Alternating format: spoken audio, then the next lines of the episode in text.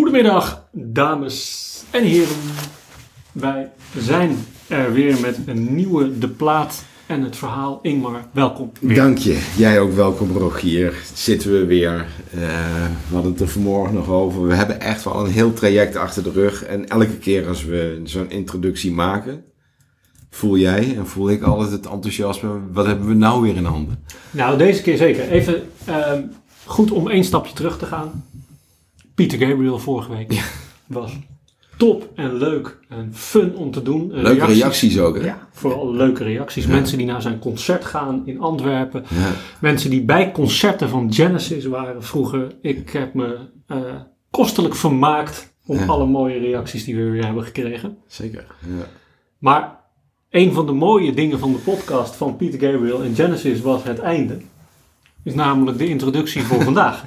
Precies, dus iedereen weet al waar we het over gaan hebben. Ja, Dit is een man met meerdere namen eigenlijk. Als, Ja. ik, als ik de alias hem mee ga nemen. ja long time coming. Ehm, nog even eh, als te doen gebruikelijk voor eh, de nieuwe luisteraars, waarvan er elke week veel bij komen. Ehm, nog even kort de spelregels. Rogier aan de ene kant, Ingmar aan de andere kant. Wij gaan op pad een week lang in een muziekgenre, artiest of song. Duiken daarin, vinden allerlei haakjes, zoals we ze zo mooi noemen altijd. En mogen noemen inmiddels. En Ja. mogen noemen. De rode draden, ehm, maar ook de eh, niet te verwachten eh, zijstapjes die we mogen maken. Er zijn geen spelregels. Als we maar binnen de song, de artiest en het muziekgenre blijven. Nou, dat is Ja. ook dit keer eh, ehm, is dat gelukt. We zijn op pad gestuurd met een fantastische aanvraag, namelijk Space Oddity van David Bowie. Zeker. Ja, dit is fun. Ja, en ik heb daaraan toegevoegd natuurlijk, en dat hebben we de vorige keer ook gedaan, dat we allebei een, een eigen song pakken om wat diepgang te zoeken of een beetje te herleiden van waar komt die song vandaan, waar gaat die over of ja, heeft dat ergens een broncode die het vermelden waard is. Ehm, ik noem hem nog even niet, maar buiten dat we eventjes ongetwijfeld eh, David Bowie zelf eventjes belichten met al zijn aliasen die daarbij horen, ga jij een heel mooi nummer te grazen nemen. En doe ik dat ook? Nou, laat ik dan beginnen bij de aanvraag van deze week. Komt Daar maar. komt hij. Ja.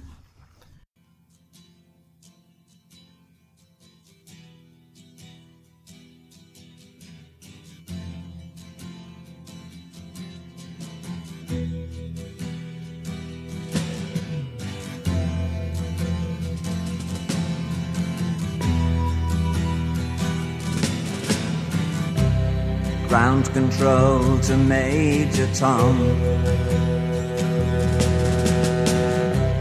Ground control to Major Tom. Take your protein pills and put your helmet on. Ja, we, we stoppen hem gewoon bij Ground Control to Major Tom. Ja, daar kan jij nog een hoop over vertellen, ben ik bang. Wat een reis, dames en Ja, heren. ja, ja. En het, het eerste leuke wat ik meegeef eh, straks over deze song is dat dit een uitvoering eh, is. Dit is een van de originele uitvoeringen. Ik heb er veel gevonden. Ehm, maar dat daar wel iets unieks mee is al. Met In de die... manier waarop die opgenomen is. Daar Oké, kom ik straks nou, dat is wel... in, in mijn zoektocht ben ik uiteindelijk ook dit nummer tegengekomen, omdat hij refereert in sommige nummers naar dit nummer. Dus ook weer interessant om te horen. En als we de reis dan maar eens even, gewoon even beginnen, we riepen, ja, we hebben David Bowie. Maar eigenlijk is het David Jones. Zo is hij ook geboren. Eh, zijn echte naam was David Jones. Die heeft hij uiteindelijk eh, zelf uiteindelijk willen veranderen. Dat heeft ook een reden. Geboren op 8 januari, ergens in 7, eh, 1947 in Brixton, Londen. Als dus David Robert Jones. Ehm, gefascineerd, zoals heel veel andere artiesten die we al gehad hebben in onze podcast, door muziek. Elvis Presley, Little Richard, eigenlijk alle artiesten die op dat moment heel erg beroemd waren. Ehm, was ook al bezig met gitaarspelen, zat in wat lokale bands, maar in principe eigenlijk niet of weinig succes. Echt zeker niet in de grote wereld. Dit is allemaal in de periode voordat hij überhaupt echt heel erg eh, beroemd werd. Weet je wie de, de... Hij kiest namelijk zijn naam op een gegeven moment. Zeker. En hij wordt natuurlijk geboren als eh, David Jones. Ja. En zijn keuze was Davy Jones. Davy. Ja, Davy met een, met een eh, ei. Oké. Maar dat kon niet. Nee, dat klopt, want dat, was een andere grote superster. Ja, dat was Ja. De, de, de zanger van de Monkeys. De zanger van ja, de Monkeys. ja, dus die, ja. die werd het niet. Nee. nee, die werd het niet inderdaad. Voor wie de Monkeys niet kent, die had ik namelijk voorbereid. Nou, kijk. Dit zijn de Monkeys.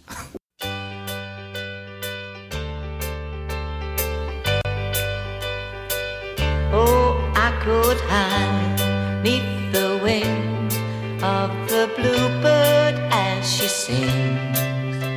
The six o'clock alarm would never ring, but it rings sleep out of my eyes. Dan hebben de luisteraars ook gelijk een beetje een beeld van de periode waarin we op dit moment eh, waar we ons in bevinden.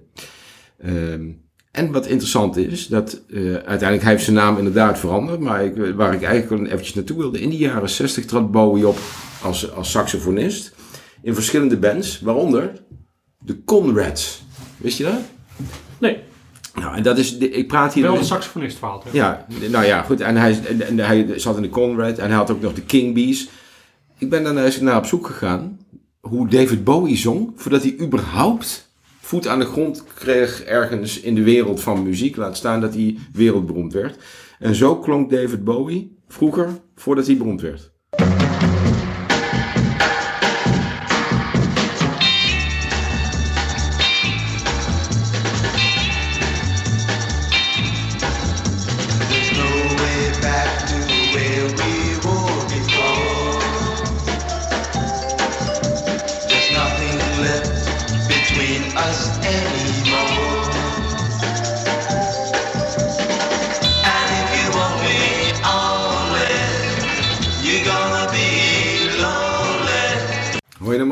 Terug? Ik hoor hem een beetje terug. Wel- Ja. Welk jaar is dit?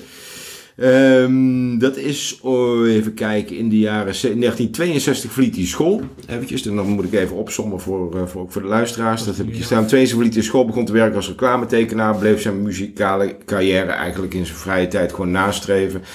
En ik heb hier niet, even kijken, de eerste solo single in 64. Dus ik denk dat dat 1963 moet zijn geweest. Ja, die, kan ik mooi, die, die kan ik mooi aanvoeren. Ja, absoluut. Laten we 1964 als basis nemen dan. Ja. Dan is hij 17 jaar oud. Ja. Ehm, er is iets in Londen dat heet de Scene Club. Ja. Ehm, en dat is eigenlijk een, eh, een eh, nou, in die zin toen de tijd een, een, ehm, een nachtclub. Eh, die is overeind blijven staan in de oorlog. In eh, 1963 werd die nachtclub omgedoopt tot The Scene. Ehm, werd beschreven als sleazy, donker en vol donkere hoeken. Met een bar die geen alcohol serveerde, maar wel een dansvloer had. En voor de rest was die niet zo heel erg veel. En in de herfst, oktober van 1964 staat daar een jonge David Bowie. Mhm. Ehm, semi-professioneel muzikant op 17-jarige le- eh, leeftijd. En hij, hij heeft daar een bandje geformeerd Mhm. met wie hij op dat moment optreedt. Het is misschien leuk om die, eh, om die toe te voegen. Zeker. Ehm, dat bandje heet eh, niet, eh, eh, hij heeft niet een van de namen zoals jij hem eh, noemde, Nee? eh, maar is de Manage Boys. Nee, die is... Nee, wat? In welk jaar heb jij het nu over? 19, herfst 1964, dus oktober 1964 staat hij daar eh, met een nummer op het podium met een groepje, groepje jongens. Ik zal hem, ik zal hem laten horen.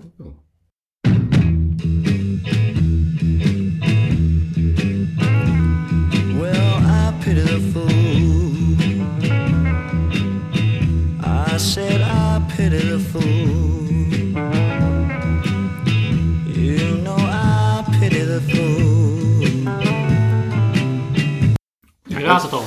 De tekst. Songtitel is Pity the Fool. Ik moet zeggen dat ik, dat ik, ik wist het niet, het, eh, die hij nu bracht. Ik zie alleen wel dat hij inderdaad in, bij King's Beast, Conrads, uiteindelijk in die periode zijn eerste solo-single uitbracht. Ik weet niet of dat dan deze is. Maar hij deed dat door verschillende muziekstijlen en bandformaties uiteindelijk uit te proberen. En dat, is- dat heeft hij gedaan. En dan geef ik echt een voorzet midden in je voeten waarschijnlijk. Ehm, dat heeft hij gedaan tot 1969, totdat hij doorbrak met de single. Ja, mijn single. Jouw single. Eh, dit, dit is 1919, want ik zei de herfst en ik zei oktober, maar ik moet iets corrigeren. Het is iets eerder. 19 september speelde deze, deze band, Ja, ja. eh, de Manage Boys, speelde in de club The Scene. Dus dat, dat is Oh het ja, moment. ja, dat dus is 19 wel- ja, september. nee, dat eh, komt wel mooi bij elkaar op deze manier. Ja. Dan zijn we al terug op 17-jarige leeftijd, Ingmar. Dus, dus eh, eh, ja, hij begint vroeg. Nou ja, hij begint heel vroeg inderdaad. Ster- Sterker nog, als hij in 69 inderdaad, de- zoals dat hier staat, doorbreekt met zijn single Space Oddity, dan moet dat ergens de aftrap zijn. Want jij gaf, gaf jij nou net het origineel uit 69 weer? Dit is het origineel, Ja. eh, al- als het goed is, het origineel. Maar dat is niet helemaal terug te herleiden, want dit is geen clubopname. Dus Nee, dit is nee. een, eh, een eh, gemodificeerde opname die iemand op, op YouTube heeft gezet van de Manager Boys Ja. met David Bowie. Ja, dat is lastig. Dus het zal, het zal er ergens op lijken, denk ik. Eh, Hij mengde van alles, dat heb ik ook teruggevonden. En zeker in die periode, wat ik al zeg, met allerlei mensen om zich heen. Die andere muziekstijlen speelden, andere instrumenten speelden. Hij probeerde zelf een hoop uit. Dus ja, het is een hele logische zon. Wat leuk, eh, even over die clubs, wat erg leuk is om, eh, om daarin toe te voegen. Zijn vader heeft ook een club gehad. Ja, leuke info. Ja, die is wel grappig ook. Zijn vader, John, Ja. die ierf op 21-jarige leeftijd 3000 pond Ja, eh, in 1933. ja. Dat zou equivalent zijn van eh, een, een 300.000 pond nu. Dus daar kon hij veel mee. En hij had een vriendinnetje toen de tijd, een cabaretier. cabaretier. Ja. Ehm, die bekend stond als de Weense nachtegaal. Die was gevlucht uit, uit Oostenrijk. Dat klinkt overigens als een Amsterdamse vrouw uit de Jordaan. Nou, dat, dat- even dezelfde, dezelfde de periode eh, gevlucht uit Nazi-Oostenrijk. Hilda Sullivan. Ja. En John bes- besloot dat hij eh, zijn vrouw, zijn nieuwe liefde, eh, de kans van haar leven wilde geven. En kocht een pianobar. En dat noemde hij de Boep Adoep. Naar aanleiding van Betty Boep. De Boep Ah. Adoep Piano Bar. Ehm, helaas. Dat kostte hem vooral heel veel geld. Ja, hierna verliet hij, eh, verliet hij Hilda, want dat, eh, dat was toch niet een, eh, een gezegend huwelijk eh, of, of, of eh, liefdesrelatie. En trouwde die Margaret. En Margaret is de moeder van, eh, van David Bowie. nice. Nou ja, Ehm, ja. Dit geheel terzijde. Even. Ja, nou ja, wel interessant. Even de, weet je waarom die uiteindelijk nog, want je had het net over de naamsverandering uit David, eh, David Bowie en, eh, en Davy Jones dan in dit geval. Hij, dacht dat dat te veel op elkaar ging lijken. En Waar, waar zijn achternaam vandaan komt dan? Nee, dat weet ik niet. Nee, er, er, er bestaat zoiets als een Amerikaan, wist ik ook niet hoor. Er bestaat zoiets als een Amerikaans Bowie-mes. Gewoon een mes. Mhm. En dat vond hij uiteindelijk een mooie naam. Dus heeft hij de combinatie David Bowie gekozen. Prachtig, want Ja. David Jones kon niet. Nee, ik snap Nee, het. ja, de, ja, Ja. Het, het zou wel kunnen, maar de, de verwarring zou daar wel daar zijn natuurlijk. Dat, dat snap ik wel. Even een mooi bruggetje. Ehm, waar ben jij terechtgekomen? Welke song? Ja, nou dan, eh, dan eh, scroll ik even door in mijn enorme kakofonie van allerlei informatie over David Bowie. Ehm, ik ga hem laten horen, Rogier. Leuk. Waar, waar ik terecht ben gekomen. Shoot.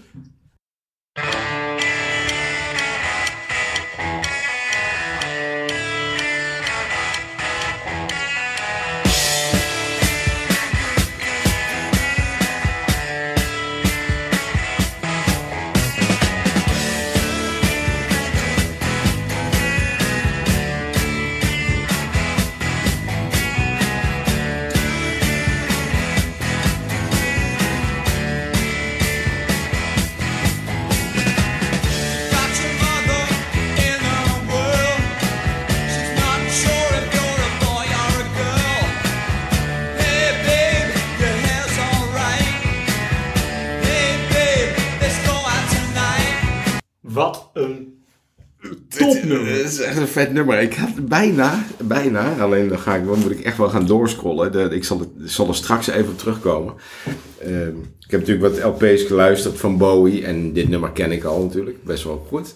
En dit vind ik een bombastisch, spectaculair en pakkend nummer. Dus ik heb hem uiteindelijk gekozen eh, hier nu in deze podcast. Maar zoekende en luisterende naar de, naar de LP's ben ik net als de vorige keer bij, eh, bij Charles Aznavour terechtkwam bij een heel ander nummer. Waarvan ik dacht, oh, die had ik echt moeten kiezen. Daar kom ik straks dan wel even op, beste Ja. luisteraars. Maar Rebel Rebel, ja, een iconisch nummer. Eh, David Bowie, uitgebracht in 1974. Zelf door Bowie geproduceerd en zelf opgenomen. En ik ga nu iets van jou jatten ook hier, wat jij altijd benoemt. En dat is opgenomen in de Trident Studios. Cool. Heeft dat, is echt, nou, niet een beetje cool, want ik was natuurlijk helemaal enthousiast dat ik uiteindelijk een nummer heb kun- kunnen vinden, eh, Trident Studios, ehm, waar ik even iets wil laten horen, wat ik gevonden heb, en misschien dat jij dat al lang herkent, over de Trident Studios en David Bowie. David Bowie recorded three of his most iconic albums at Trident Studios Hunky Dory, The Rise and Fall of Ziggy Stardust, and Aladdin Sane. And the Trident piano featured throughout all of these albums, appearing on some of Bowie's most legendary songs. When you hear some of these tracks back to back, you can start to recognize that bright, crisp tone Op YouTube te vinden, Rogier, over de Trident Studios, de piano die daarbij die, die, die gespeeld wordt. En dan hoef ik jou niet te vertellen welke piano daarin gebruikt is. Eh, de Bechstein piano. Dan ben ik benieuwd of je kan achterhalen, nog een leuk feitje over Trident Studios. Ja. Ehm, dat ken ik namelijk uit een van onze verhalen die ik al eens, eh, al eens eh, verteld heb volgens mij.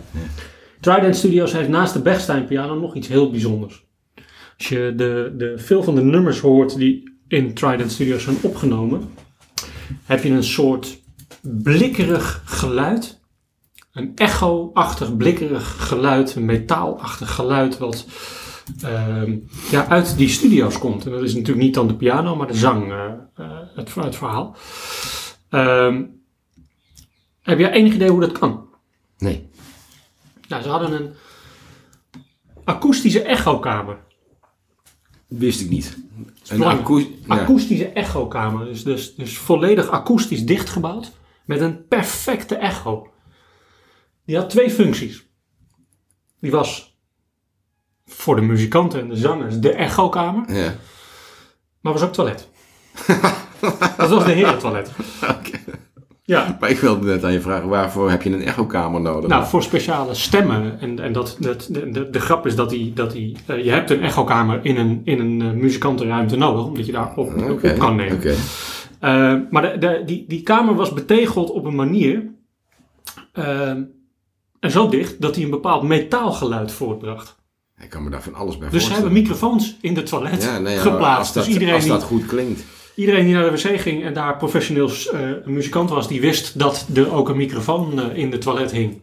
Maar dat was niet om je te, te, op te nemen als je naar de wc ging, maar om de echo-stemmen en de metaalklank uit die echo-stemmen. Oh, dat vind ik leuk. Ja. Eh, dus de- even, even los, eh, een, een, een grapje. Een nou ja, feitje grapje, ik, over- bedoel, de- ik vind dat wel dingen waar je dan weer naar kan gaan luisteren. De link die ik net even liet horen van Bowie over de Trident Studios. eh, dat linkje moeten we maar eventjes delen op de website. Want dat is een, een aantal minuten lang met meerdere artiesten. Waarin uiteindelijk, eh, ja, misschien ook wel dat blikkerige geluid een keer voorbij komt. Dat kan ik niet beoordelen. maar- Luisteraars, wees welkom. Ik ben een, al een tijdje een, eh, een Spotify-lijst aan het samenstellen waarin ik... eh, er is een bepaalde lijst samengesteld met nummers die redelijk zeker eh, opgenomen zijn met de Wegstein piano. Ja. Maar heel eerlijk, dat is een beetje een, een, een usual crowd. Dat weten we nu allemaal Ja, wel. Dat ja, kun je makkelijk opzoeken. Ja. Maar we kwamen vorige week natuurlijk achter een nummer die ook opgenomen was in, in Trident. En we hebben nu weer eentje en, en, eh, met Bergstein. En ik ben eigenlijk aan het proberen om de lijst groter te krijgen. Snap ik. Nou, deze kan daar, volgens mij heb je hem al een keer genoemd ook. Ja, deze staat er volgens Ja. mij op, want dit Ja. is een redelijk bekende. Ehm, overigens is mijn nummer, eh, Space Oddity, ook opgenomen in Trident. Nou, daar heeft hij volgens mij dan veel meer opgenomen. Als Ja, die twee daar, dat, dat, dat kan bijna niet anders. Dus dat, eh, Maar ik geef hem even terug aan jou. Ja, nee, absoluut. mee. Nee, we, we, we, we hebben hier Trident Studios te pakken. Wat ik, ik gaf het al volgens mij net aan. Dit nummer is uitgebracht in 74. En ja, het verhaal daarachter is best fascinerend. En ook zijn eigen fascinatie voor subculturen. Ja, eigenlijk ga je het gelijk herkennen op het moment dat je de, de, de covers van de LP's ook in je, in je opneemt. Punkbeweging. Bowie was geïnspireerd door de manier waarop jonge mensen zich uitdrukten met mode en met muziek. En wilde daar eigenlijk een soort rebels nummer, een non-conformistisch weerspiegelend nummer op schrijven. Dat kan natuurlijk in tekst, maar dat moet ook uitgedrukt worden in muziek. Nou zit er een riff in dat nummer en dat werd gebaseerd op een oude rock and roll riff van Eddie Crowan's Summertime Blues. Ik weet niet of je die kent. Nee, Maar- zeker niet. Niet zoals je het zegt. Nee, nou, ik herkende hem ook niet. En ik kende hem eigenlijk ook niet, totdat ik hem opzocht en dacht, ja, eigenlijk wel een hele logische. Ik laat hem jullie even horen.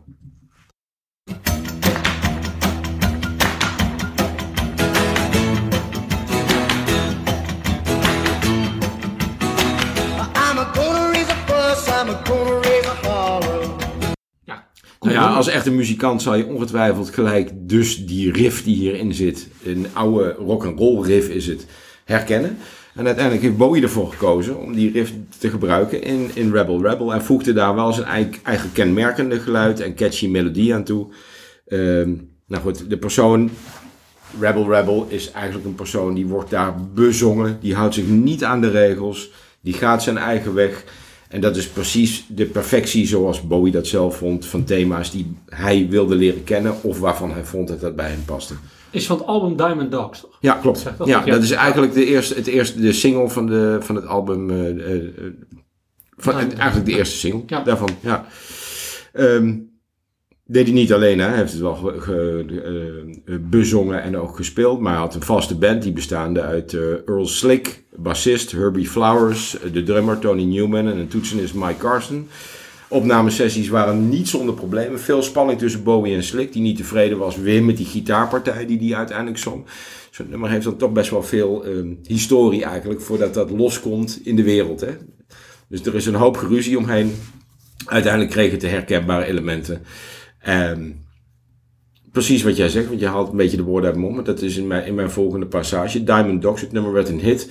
En bereikte de top 10 in de Verenigd Koninkrijk als in de Verenigde Staten. Nou goed, en... Even- album, eh, album eh, nummer 1 in de UK, volgens mij zelfs. Dus het is zijn eerste, eh weet niet helemaal zeker, maar het nummer eerste zelf, even kijken, het nummer zelf werd een hit en bereikte de top 10. Ehm, en dat was ook het geval in de Verenigde Staten, even in mijn lijstje hier. Even heel snel. Ja, het zou- ja, ik geloof je. Ik Ja. geloof je direct. Even wat ik, wat ik interessant vind aan die periode van Bowie, ehm, is dat dit eigenlijk zijn eerste album is waarin hij veel soul en funk-achtige invloeden heeft. Zeker, Wat echt een verschil is met de albums die daarvoor zaten. zeker.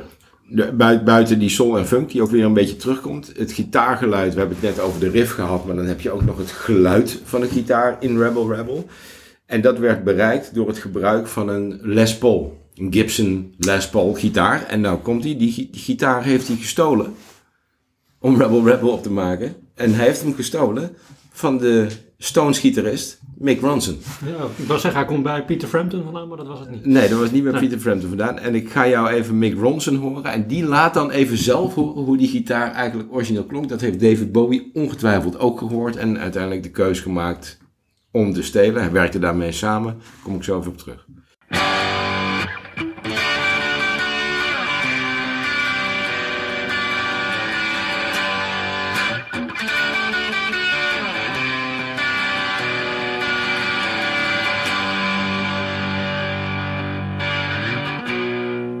Je hoort het typische geluid ook vanuit Rebel Rebel op deze. Die is gespeeld op de Gibson die je ook in beeld ziet. Heel cool. Dus die moet je wel eventjes meenemen op de, op de site. Want dat is echt leuk voor de luisteraars om dan even op de site terug te zien in het, in het clipje. Opmerkelijke daad, zoals ik zei. Hij jatte gewoon die gitaar van, eh, van, eh, van die Stones gitarist. Die op dat moment eigenlijk gewoon een hele goede vriend was van Bowie. Maar goed. Ehm, in de tekst geschreven. Rebellerende jongeren, rebellerende mensen, eh, de weerstand op alles. De tekst bevat ook een verwijzing naar andere nummers van Bowie klassiekers. Namelijk All the Young Dudes. In het nummer wordt gezongen van Hot Tramp, I Love You So. Dat was een verwijzing naar het nummer All the Young Dudes. Waarin Bowie zingt All the Young Dudes, Carry the News, Bugaloo Dudes, Carry the News. En die herken je ook weer van de Bowie songs. Nou, ehm, het is een nummer wat ook nog wel redelijk behoorlijk gecoverd is. Eh, verschillende artiesten, waaronder, wist ik niet, dat, dat ken ik ook helemaal niet, van Duran Duran, Brian Adams, Oasis hebben het gedaan. Opvallende cover is een Franse zangeres. Eh, als je dat hoort, zou je bijna niet denken dat het een, eh, een cover is. Zij heet Françoise Hardy in 1975 onder het, met een titel, Message Personnel. En die wil ik even laten horen. Een hele eh, cover Rebel Rebel. Au bout du téléphone, il y a votre voix. Et il y a les mots que je ne dirai pas. Tous ces mots qui font peur quand ils ne font pas rire. Qui sont dans trop de films, de chansons et de livres. Je voudrais vous les dire. Et je voudrais les vivre. Je ne le ferai pas. Je veux. Je ne peux pas. Ja, het heeft niets met elkaar te maken, Rogier. Maar, en het is ook echt een typisch begin jaren 70 nummer met donkerbruine gordijnen en hoogpolige vloerbedekking. Zet dit nummer maar op en je voelt je gelijk weer in die tijd. Het is Ja. eigenlijk verschrikkelijk. Hoe vaak eh, of hoeveel covers zijn er van, eh, weet je dat, van Rebel Rap? Nee, die heb ik er niet bij staan. Maar als ik het eventjes bij elkaar optel, dan zijn het er heel wat. Nu al, als ik gewoon even kijk naar de artiesten die dat, eh, die dat gedaan hebben. Maar, eh, heb jij misschien een beeld hoeveel er zijn? Nee, ik was, ik was ondertussen wel even aan het zoeken. Ik, ik kan het redelijk makkelijk vinden. Ehm, er, zijn, er zijn volgens, eh, ik, ik gebruik er altijd een, een site voor die dat redelijk goed in beeld heeft. Secondhand Songs. Voor degene die dat leuk vindt om een keer eh, te bekijken. Ehm, die geeft aan dat er 85 85. zijn. Dus dat is wel aardig wat, eh, aardig wat gecoverd. Dat vind in ik wel. Dat, van ja, ja. Ik zal eens heel snel kijken of er nog een, een, een, een, een interessante, grappige tussen zit. Die we, Nou, die kan ik jou hier ter, ter plekke laten horen, eh, Rogier. Als je het, eh, dit is eh, onze grote vriend Lenny Gravitz en Iggy Pop.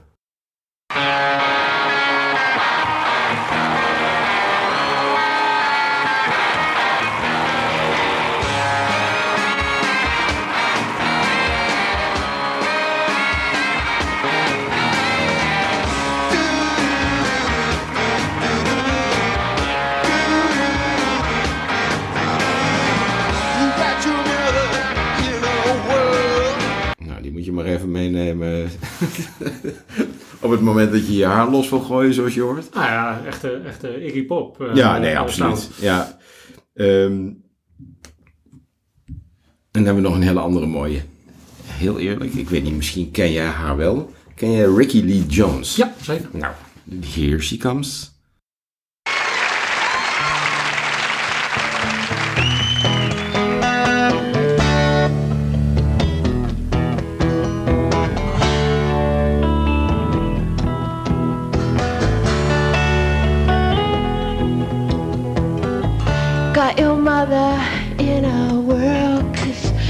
Not sure if you're a boy or a girl. Mooie stem, deze vrouw. Prachtige stem heeft zij. Ja. En wat ik heel tof vind, is dat dit op een, eh, op een ander type gitaar gedaan wordt. Dat vind ik ook wel heel vet. Ja, dat, moet ik, dat zou ik even terug moeten zien. want Ja, dat- dit, dat- althans eh, het klinkt anders. Ik kan ja. ik ben geen, in die zin Ja. geen, eh, geen ultiem gitaarkenner, maar eh, de, de origineel Nee. is op een Les, eh, Les Paul gedaan. En dit, dit klinkt eh, meer akoestisch. Ja, heel, heel mooi. Dus er is één heftigere versie, denk ik, nog dan die jij net liep hoor. Want ik zie dat Def Leppard heeft hem ook gedaan. Dan moeten we die er ook even meenemen. Dus ik zal, ik zal op de site zetten. ja, Ik ken hem niet, ik vind ga hem ook wel, niet, eh, eh, niet opzetten nu, maar hij is wel, hij is wel cool, denk ik. Nee, maar ik geloof absoluut dat er 80 eh, covers van gemaakt zijn. Wat ik de meest. Nou, ja, indrukwekkend weet ik niet of ik het zo moet uitdrukken. Maar wat ik wel de meest mooie link vond, link vond van Rebel Rebel is een link die, die in 2008 uiteindelijk pas geactiveerd is. De modeontwerper Jean-Paul Gaultier heeft een parfum uitgebracht met de naam Rebel Rebel. Gebaseerd en geïnspireerd op het liedje van David Bowie. Dat is heel cool. Ja, Ja. Dit is overigens de, de periode dat eh, Bowie in Amerika woont. Hè? Hij heeft Ja. net voor het, eh, deze song, voor het album, eh, is hij naar Amerika verhuisd. klopt. En daarna doet hij, dat is ook nog wel een bekend iets, daarna doet hij de Tour Diamond Dogs. En daar begint Bowie serieus cocaïne verslaafd te worden. En komt hij in een hele donkere periode, eh, beschrijft dat. En dan ontstaat zijn volgende personage. Absoluut. En die, ja, absoluut. die personages worden absoluut gecreëerd ook door zijn eh, drank- en, en, en drugsgebruik. Ja, Waar die overigens wel, eh, overigens het einde van zijn, hij is eh, 74 volgens mij geworden. Maar hij heeft daar wel een heel mooi interview over gegeven, waarin hij vertelt inderdaad dat hij niet meer drinkt. Eh, en ook niet meer, eh, niet meer rookt en helemaal niets meer doet. En dat vind ik knap, want die heeft heel diep gezeten, deze man. Ja, zeker. Ik, eh, dat, dit verhaal ken jij en dat ga ik zeker delen. Ik heb hem in 2007 ontmoet. Ja, dat is fantastisch. Toen wij te gast waren bij de Webby Awards in, in New York. Het zijn de, de Oscars voor de creatieve industrie. Ja. En daar is altijd een mooie gala-avond aan verbonden. En da- daar zijn een, een, een, een 100, eh, 150 mensen bij aanwezig. En daar ontmoette ik allereerst mijn, mijn jeugdidolen, de Beastie Boys. Die daar op het podium een, een award kregen. Eh, heb ik eh, gezellig eh, bier kunnen drinken met een van de oprichters van YouTube als, als toetje op een avond. Ehm, maar stond ook David Bowie. En die kreeg een Lifetime Achievement Award van de, van de, de Webby Awards in 2007. Dus, dus Ja, eh, ja. 7, 8 jaar voor zijn dood. Ja. Ehm, je hebt hem ook echt de hand geschud. Ja, zeker. Ja, zeker. ja, zeker. Ehm, hij ging, eh, het, het was een dermate kleine setting dat, dat je echt wel even tijd had. Toen zag hij er uitzonderlijk goed uit. Ja. Gezond en goed uit. Ja, Nou, ik moet zeggen, ja, hij heeft er op vele manieren uitgezien inderdaad. En soms was die hele destructieve stijl van hem die hij had. En die heeft hij natuurlijk een hele periode gehad. Ja, dat- die- daar kan je goed of slecht op plakken. Maar het was altijd wel heel indrukwekkend hoe hij Ja. eruit heeft gezien. Zijn hele carrière eigenlijk. Als Ja, je alle, alle foto's, en dat zal toen ook niet anders geweest zijn. dat was toen een hele gedistingeerde meneer. Ja, nou, dit- ik denk ook wel als je hem hoort praten, de stijl die die, dat, dat Londense accent wat hij heeft. Het is een... eh, Ja, hij kan een keurige meneer zijn. Absoluut, Ja, absoluut, Dus eh, dat was in 2007 zeker zo. Dus, eh, ja. ehm, had jij nog leuke meer aanvullingen, Ingmar? Nou, ik kom zo ongetwijfeld nog met een paar aanvullingen, want ik heb nog zeker wat, wat ik de luisteraars net beloofd heb. Want ik heb natuurlijk dit nummer gekozen. Eh, in mijn zoektocht en LP's luisterende kwam ik uiteindelijk op een ander nummer terecht. eh, ook met ja, een, een dubbele titel eigenlijk, hè, zoals Rebel Rebel. Maar dit heette Ashes to Ashes.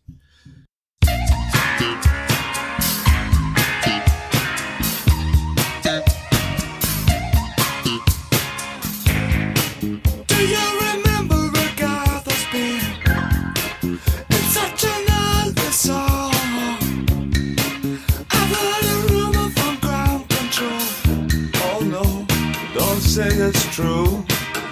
They got a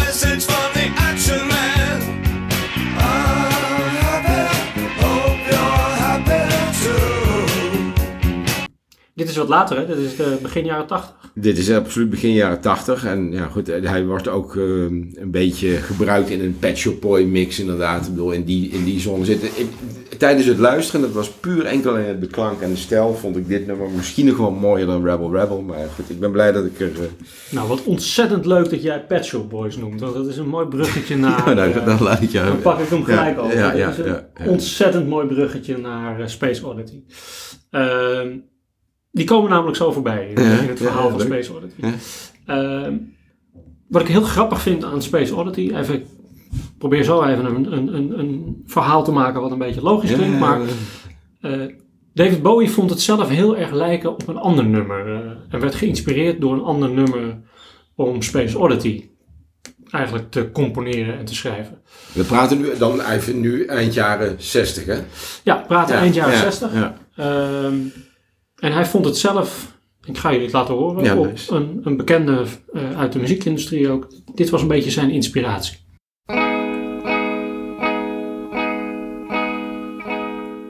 In the event of something happening to me, there is something I would like you all to see. It's just a photograph of someone that I knew.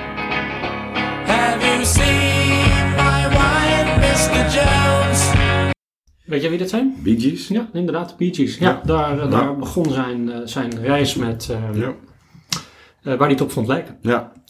Ehm, Oké, Nou ja, dat is ook wel zo. Ja, ja, 100%. het is, je, je hoort maar die klanken. Dat, ja. Ja. goed. Ook, ook het ritme is eigenlijk exact hetzelfde. Eh, ben New York Mining Disaster van de Een beetje door elkaar heen, maar ik ben dan gelijk nieuwsgierig of zij dan een Gibson gitaar hebben gebruikt en dat hij daarom die Gibson gitaar weer gejat heeft, omdat hij namelijk in meerdere nummers voorkomt, heb ik dan weer gelezen, maar paste weer niet bij Rebel Rebel. Whatever. Prachtig haakje. Prachtig haakje. Ehm, Space Oddity, Ja, opgenomen ehm, in 1969. Begon, eh, het avontuur begon in de Morgan Studios in Londen. Eh, toen ze de eerste versie opnamen, 2 februari, toen waren de teksten definitief en hebben ze een versie opgenomen. Ehm, die, deze werd geproduceerd, die eerste versie, want zo, zo is die tot stand gekomen door, eh, door Jonathan Weston. Waarbij Bowie en Hutchinson ehm, eigenlijk de, de instrumenten en de zang deden. Een Hammond-orgel er nog bij kwam, een mellotron en een fluit. En zo werd een eerste versie eh, eh, demo eh, gemaakt. Ehm, waarbij Bowie en Hutchinsons allebei leadzang deden. Dus niet alleen Bowie.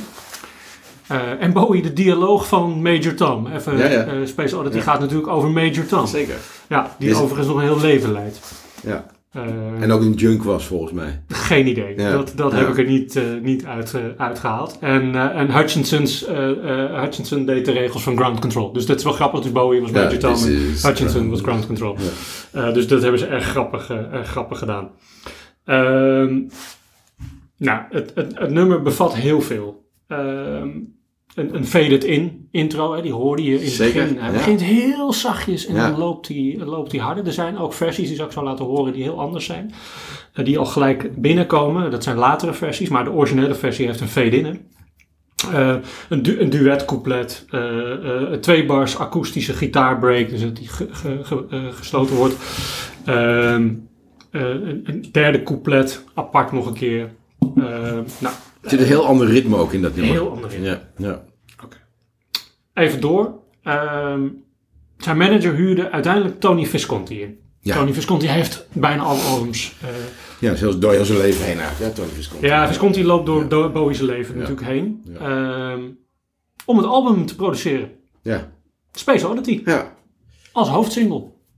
En wat dacht Visconti? Nou, ik vind het album produceren echt fantastisch. Maar dat nummer Space Oddity, dat vind ik één grote grap. gaan we niet doen. Dus die ga ik niet doen. Oh, En noemde het een soort goedkope truc, een gimmick, om mee te liften op de maanlanding. Ja, Eh, dus hij produceerde het hele album, Visconti, behalve Space Oddity. En Space Oddity werd gegeven aan zijn voormalig technicus, en die kennen we uit aflevering nummer 1 van deze prachtige show. Elton? Namelijk de, de producer van eh, eh, Elton John, Gus Dudgeon. Gus Dudgeon. Ja, dus die heeft, Ja. eh, heeft Die heeft als enige, als één nummer op het album, een Nou, twee. pro- oh, twee nummers, productie gedaan op het album. ja, en daar kreeg hij 100 pond voor, toen de tijd. Ja, nou. Om, en, en het hele ding kostte 500 pond. Dus, Ja, dus een vijfde ging naar de producer. ja. Ehm, nou, er, er zit een orkest in, hè, dus acht violen, twee altviolen, cello's, eh, eh, fluiten, orgel. Ik vind het een hele beklemmende ballade. ja, is dat, ik vind het een beklemmend nummer. Ik, ik, ja, hij is bijna bombastisch. ja bombastisch, Ja. beklemmend. Hij- Ja. Je, moet- je, je moet hem echt eh, vasthouden. Ja, het is niet, niet zo bombastisch en, en symfonisch als we vorige week hadden met Peter Gabriel. Maar het komt Nee. wel, hetzelfde tijd hè, het komt wel dicht in de buurt. Ja. Eh, wat heel grappig is, is dat Wayne, zijn gitarist, ehm, die had een gitaarstuk eh, eh, opgenomen. En ehm, hij dacht dat hij het al had opgenomen en begon zijn snaren opnieuw te stemmen. Ja. Terwijl het aan het opnemen was. En dat vervormde effect van dat gitaarstemmen, Ja, ja, ja. dat vond Gus Dudgeon zo vet cool, dat hij uiteindelijk vroeg toen hij terug hoorde, namelijk op band, want de band liep door, doe dat nog een keer en doe dat erin. Ja, fantastisch hoe dat ontstaan is natuurlijk. absoluut. Ehm, dus iedere muzikant had wel een gevoel van, nou, dit is echt iets heel vets wat we hier aan doen zijn. En er zit heel veel in. Even overigens had Gus Dudgeon nog een flinke schikking eh, eh, tegemoet eh, geëist van David Bowie. Omdat hij eh, vond dat hij meer dan een miljoen moest krijgen in plaats van 100 pond. Ja. Eh, eh, die rechtszaak heeft het nooit gehaald, want Gus Dudgeon overleed. Eh, Ja, eh, reed op perspectief heeft hij misschien nog gelijk gehad, maar goed, desalniettemin. ja, daar komen we nooit achter. nee. De, de, eh, hij had een auto-ongeluk eh, de maand voordat hij eh, eh, die, die zaak diende, geloof ik. Ehm, nou, het nummer was op tijd af, hè? Daar ging het namelijk om. Ehm, Qua maanlanding bedoel je? ja, Apollo 11. Ja, zeker. ja, ja. Dus daar, eh, daar speelt natuurlijk ook een, eh, een stukje in. En wat ik aan het begin zei, en dat is wel leuk. ehm, je hoort in de originele versie, althans diegene die het niet horen, hoor je stereo geluid. Oh, dat is in die tijd natuurlijk ook niet heel vanzelfsprekend. Nee, nou, ik zal je het nog gekker vertellen. Het is de eerste die eh, in beide formats werd gemixt. Mono en stereo. Ehm, want dat werd aan Bowie voorgelegd. En, die zei, en, en toen werd voor, voor zover ik weet, brengt niemand singles in stereo of mono eh, tegelijkertijd uit. Waarbij David Bowie zei, nou, daarom doen we deze dus in stereo. Waarbij die voor de eh radiosingles in stereo meegegeven werd. En voor de platenverkoop in mono. En dan had je ook natuurlijk nog televisie. In die Ja, dat weet ik niet hoe dat... Nou, dat is zeker televisie. Nou ja, de, de- die- Mooi nou, bruggetje. hè? Mooi bruggetje weer, Ja, dankjewel. Ja. Ehm, even, om het af te maken. Het is geen heel succesvol nummer in het begin geweest. Nee. Eh, hij moest daar heel hard voor vechten om daar aandacht voor te krijgen. Hij heeft geloof ik 5000 stuks van verkocht in totaal. Dus Ja. het, was, eh, het was een redelijk lastige. Ehm, en de eerste, het eerste televisieoptreden eh, was in Nederland. En dat was een programma dat heette Fanclub. dat is niet in onze tijd. 1967. Nee, dat zeg ik. Ehm fanclub is met een, een F-E-N-K-L-U-B. Oké, ja. ehm, ja, ja, Het is een beetje de voorloper van Top Op eh, eh, ooit geworden. ja. Ehm, waarbij eh, Bowie nergens uitgelegd werd, of uitgenodigd werd. Ehm, en hiervoor wel. En dat was precies het moment ehm, dat hij bedacht had van nou, ik ga Space Oddity doen. ja. Dus daar, daar heeft hij zijn eerste optreden gehad. En, Een live optreden. Live optreden. En daarna werd hij, eh, werd hij uitgenodigd nog in de BBC, eh, eh, Top of the Pops. En toen ging het langzamerhand en daarna in, in Oostenrijk of in Zwitserland geloof ik in, in een programma. En toen begon het een beetje te lopen. Maar eigenlijk was Space Oddity helemaal niet zo'n groot succes. Wat, wat ik begrepen heb, en je moet me gelijk corrigeren, want het is jouw nummer natuurlijk, is dat ehm, eh, tijdens de maanlanding Apollo 11 in dit geval, over de hele wereld 600, 600 miljoen huishoudens die daartoe in staat waren, die landing hebben gezien. En dat het nummer Space Oddity op het moment van die landing uiteindelijk ten gehoren werd gebracht tijdens die landing. Kan ik je niet vertellen, weet ik niet. nee, heb, ik dat niet heb ik niet gevonden. Dat is Eh, in een zoektocht kreeg ik dat mee. Eh, de- Nee, heb ik niet, heb ik niet gevonden. voor mij ook geen goed kunnen. fact-check overigens voor de luisteraars, maar dat... eh, Ehm, wat uiteindelijk nog steeds niet helaas heeft gezorgd dat hij heel succesvol werd met het nummer. En eigenlijk komt zijn volgende succes pas ongeveer drie jaar later. Dus dat, dat is wel, eh, ehm, ja, daar zit, zit wel een stukje. Het was wel de tijd van liedjes over, over de maan en over space. Hè? Dus Ja. In the year 2525 werd op hetzelfde moment uitgebracht. Ehm, bij de BBC-sessie die hij had, eh, was wel grappig. Even dan komen we terug bij Elton John. Voegt eh, Bowie tussen de coupletten door iets dat heet I'm Just a Rocket Man. Oh. Met een linkje naar Rocket Man Ja. van, van Elton John. Ja. Ehm, dus da daar, dat zie je wel terugkomen. Voor de rest is het natuurlijk een verhaal over Major Tom. Ehm, en dat brengt ons dan even, dat had ik beloofd dan, heel stiekem, Ja. bij de Pet Shop Boys. Oh ja. Eh, want er zijn niet zo heel veel covers van, eh, van gemaakt, maar toevallig van de Pet Shop Boys wel. Ehm, en het komt omdat eh, Neil Tennant van de Pet Shop Boys, Ja. ehm, dat hij dat graag aan zijn nummer toe wilde voegen en dat het over Major Tom ging en over Space Oddity. Ehm, en uiteindelijk is in de remix komt, eh, komt, eh, komen de regels en Bowie is daar ook eh, akkoord mee gaan. Ground to Major, Bye Bye Tom aan toegevoegd. Ja. Ehm, dus dat is, dat is het Pet Shop Boys, Pet Shop Boys song. Die, die- Dat vind ik wel cool dan, dat hij al die nummers, zeg maar, heen, dat hij alles terug laat komen. Pet Shop Ja. Boys dan blijkbaar, de, de, ehm, eh, Bye Bye Tom. In dat nummer wat ik net riep, Ashes to Ashes, komt Major Tom ook weer in voor. Het is geen eenmalig karakter als je al zijn muziekstukken eh, gewoon gaat openen. Nee, zeker niet. En, en eh, even het nummer van, eh, van Pet Shop Boys heet Hello Space Boy trouwens. Ja, voor- nou ja, voor dat is, ja, ja. Maar in Ashes to Ashes komt het ook terug. Hè? Gaat ook Ja, over Major Tom. ja. Scary Monsters gaat over Major Tom. Dus Ja. dat, die komt wel een aantal keer terug. Ja. Ik zal in ieder geval Pet Shop Boys Ja, leuk. misschien. Ja.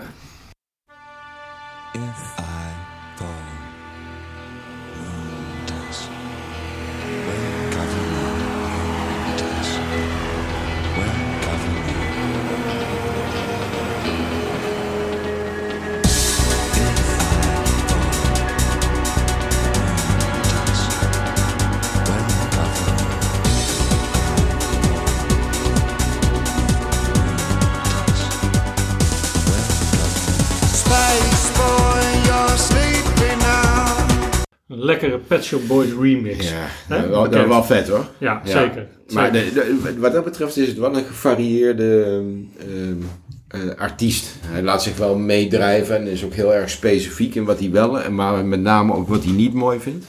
Ja, zeker. Ehm, wat wel leuk is om nog even als toe te voegen, en dan, dan eh, eh, is het verhaal voor Space Oddity voor nu. Er is nog zoveel over te vertellen, maar heel even klaar. Er zijn wel wat demo-versies, want het is best heel vaak opgenomen Mhm. voordat de definitieve versie kwam. En het is daarna ook nog een aantal keer gereleased. Eh, maar misschien leuk om de home demo version van Space Oddity Ja, te horen. Die is heel Ja. vroeg nog. Ja.